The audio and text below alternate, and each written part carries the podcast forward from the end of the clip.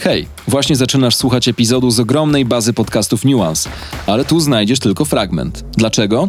Bo całość jest dostępna wyłącznie dla członków Nuance Clubu, czyli miejsca z nieograniczonym dostępem do podcastów, artykułów, materiałów wideo, wydarzeń i społeczności Nuance, najprężniejszego, niezależnego medium w Polsce. Wejdź na Nuance Club i dołącz do klubu zorientowanych. Słuchacie Nuance Radio. To jest Nuance Radio, słuchacie audycji Klimat, w której ja, Wiktoria Jędroszkowiak, rozmawiam e, z tymi osobami, które działają na rzecz lepszej, ale chyba przede wszystkim bezpieczniejszej przyszłości. E, I jak się okazuje z dzisiejszym gościem, e, także teraźniejszości, bo moim gościem jest Bartosz Zając z koalicji Stop Fermem Przemysłowym. Dzień dobry.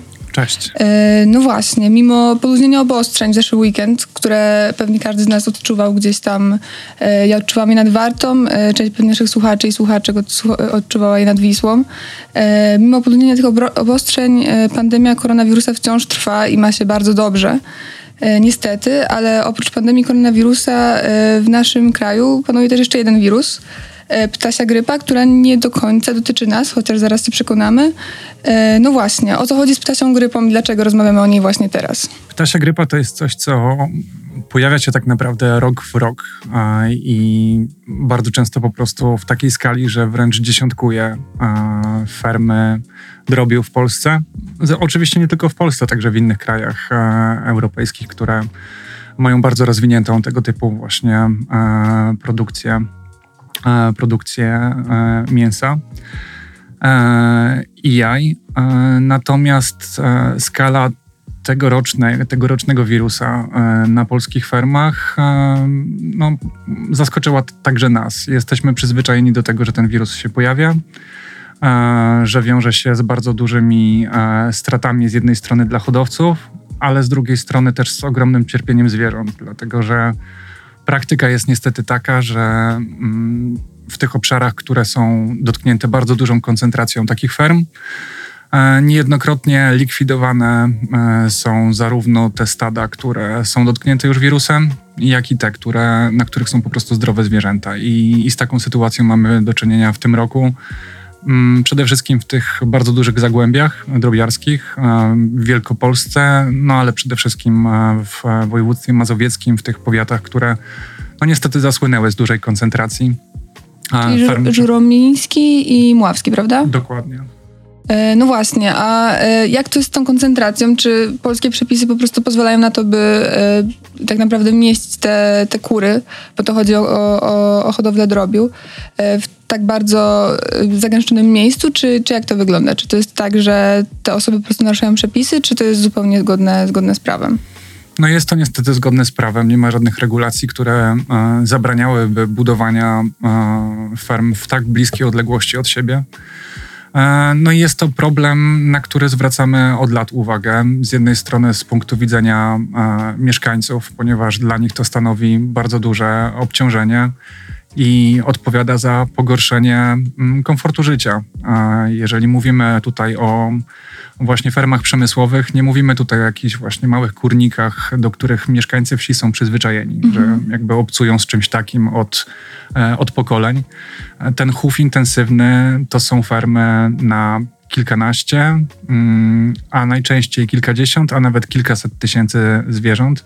Takich ferm pojawia się coraz więcej. E, nawet e, jeżdżąc po właśnie powiecie muławskim, e, w ostatnich tygodniach widzieliśmy mm, no, taki widok dość zaskakujący, to znaczy kolejne powstające fermy. Mhm. Widać, że mimo tego, że Polska już jest e, jednym z największych producentów e, drobiu, mięsa drobiu, drobiowego e, na świecie, pierwszym w ogóle w tej chwili w, w Europie, to nie zatrzymujemy się. Jakby ta ekspansja ferm właśnie mm, przemysłowych, ferm drobiu, jest no, niczym nieograniczona. Powiedziałeś o kilkuset tysiącach e, e, kur, tak? Jakby w jednym, e, w jednym takim, e, w jednej takiej fermie, fermie. a też e, podczas tej ptasiej grypy, która panuje teraz, możemy poczytać o, przeczytać w internecie takie dane, że zginęło kilka milionów tak naprawdę tych ptaków i jak duże są te dane i czy to jest tak, że, bo, bo zawsze pisze się o tym, że zabito te ptaki, czy to jest tak, że te ptaki są od razu zabijane, kiedy e, no, diagnozuje się u nich tą ptasią fermę, czy, czy jak to wygląda? Wspomniałem o tym bardzo dużym zagęszczeniu e, ferm właśnie w tych dwóch powiatach. E, to jest w ogóle fenomen na skalę europejską. E, oczywiście takich... Taki smutny fenomen. Smutny fenomen. My to najczęściej, my, czyli politycy, czy, czy branża, branża mięsna, najczęściej to opisuje w kategoriach wielkiego sukcesu, oczywiście ekonomicznego, gospodarczego. E, Pewnie inaczej widzą to mieszkańcy, no i z, pew- z pewnością inaczej to widzą organizacje, które zajmują się tym albo ze strony właśnie tej społecznej, związanej jakby z e, konsekwencjami tego rodzaju hodowli, tak intensywnej hodowli, tak skoncentrowanej dla, dla ludzi, którzy mieszkają na tych terenach, no ale też dla zwierząt, które, e, które żyją i umierają właśnie w takich, w takich warunkach. E, W tych dwóch powiatach zaledwie, mm, według e, danych e, inspekcji weterynaryjnej, znajduje się przynajmniej 605 e, tego rodzaju hodowli. Więc nawet nie mówimy tutaj o budynkach e, inwentarskich, tylko o, o samych fermach. I na tych A jaka fermach. jest różnica między y, czym jest budynek inwentarski, a czym jest ferma? Bo może od tego tak naprawdę Mhm. powinniśmy zacząć. E, To znaczy, jedna ferma może być mm, zbudowana z kilku kurników. I w tych kurnikach może być od, e, od kilku do kilkudziesięciu tysięcy e, e, zwierząt, w porywach nawet do kilkuset. Więc zaledwie w tych dwóch powiatach mamy, mm, według danych inspekcji weterynaryjnej, od 75 do 80 milionów ptaków.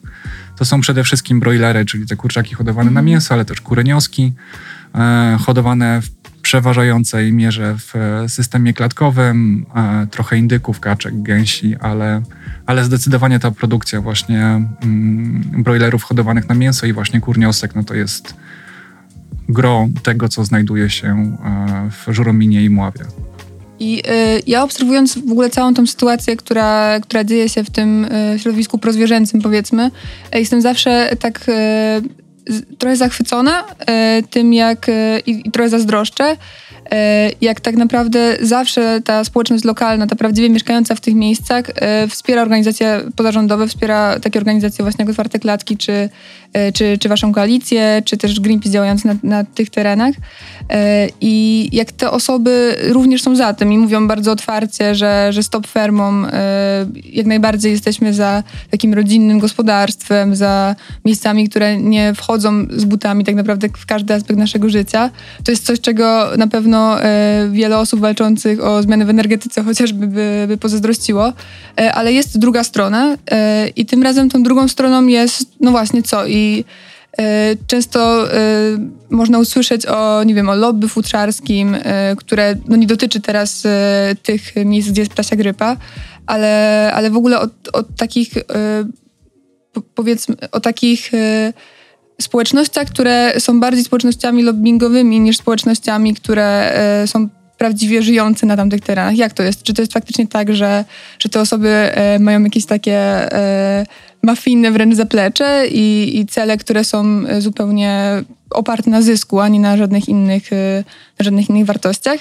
Jeżeli chodzi o mieszkańców tych terenów, to myślę, że nie byłoby nadużyciem e, stwierdzenie, że większości osób, które mieszkają w takich powiatach właśnie dotkniętych e, tymi, tą wysoką koncentracją ferm, tym ludziom to zdecydowanie przeszkadza. E, Warto tutaj wspomnieć o chociażby burmistrz Żuromina, e, Anecie Goliat, która mm, w dużej mierze nawet swoją kampanię e, oparła e, na tym, że wprowadzi obostrzenia dotyczące właśnie ekspansji ferm e, na tych terenach.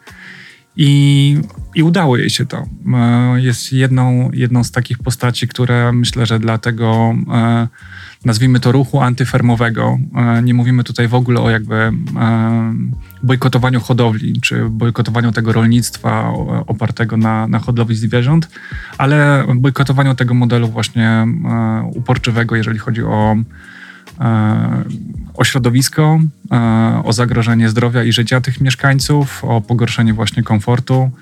No i szereg jakby innych konsekwencji. E, Udało jej się mm, w dużej mierze wprowadzając właśnie miejscowe plany zagospodarowania przestrzennego, które wykluczały budowę takich ferm na, na terenach takimi planami objętymi, zablokować przynajmniej e, budowę przynajmniej 100 ferm. No to jest Wow, e, jest strasznie dużo. niesamowity... Powiedziałeś o 605, o 605 e, miejscach w, województwie mazowieckim, tak? 605 Okej, to ferm to- to e, na dużo. tych terenach. No i dzięki właśnie działaniom Anety Goliat udało się kolejnych 100 takich inwestycji powstrzymać. To oczywiście nie, nie znaczy, że one ostatecznie gdzieś nie powstały. Myślę, że nie powstały wszystkie, a jakby wolę być tutaj optymistą. E, Ale nawet takie działania utrudniające tym hodowcom budowanie kolejnych właśnie e, ferm przemysłowych e, są istotne. Zawsze podkreślam, że Wspomniałaś tutaj o tym, że ten ruch e, właśnie prozwierzęcy ma takie bardzo silne zaplecze e, tego, tego ruchu właśnie e, na wsiach, w pewnym sensie takiego ruchu oddolnego, związanego właśnie z wsparciem mieszkańców, coś, co nie zawsze funkcjonuje jakby w tych innych obszarach. Dzięki za wysłuchanie bezpłatnej części tego podcastu. Jeśli masz ochotę na więcej, dołącz do Nuance Clubu, klubu zorientowanych i spędzaj mniej czasu na słuchaniu takich komunikatów, a więcej na słuchaniu pełnych treści. Sprawdź, co dla Ciebie przygotowaliśmy i rób razem z nami niezależne, rzetelne i pasjonujące media.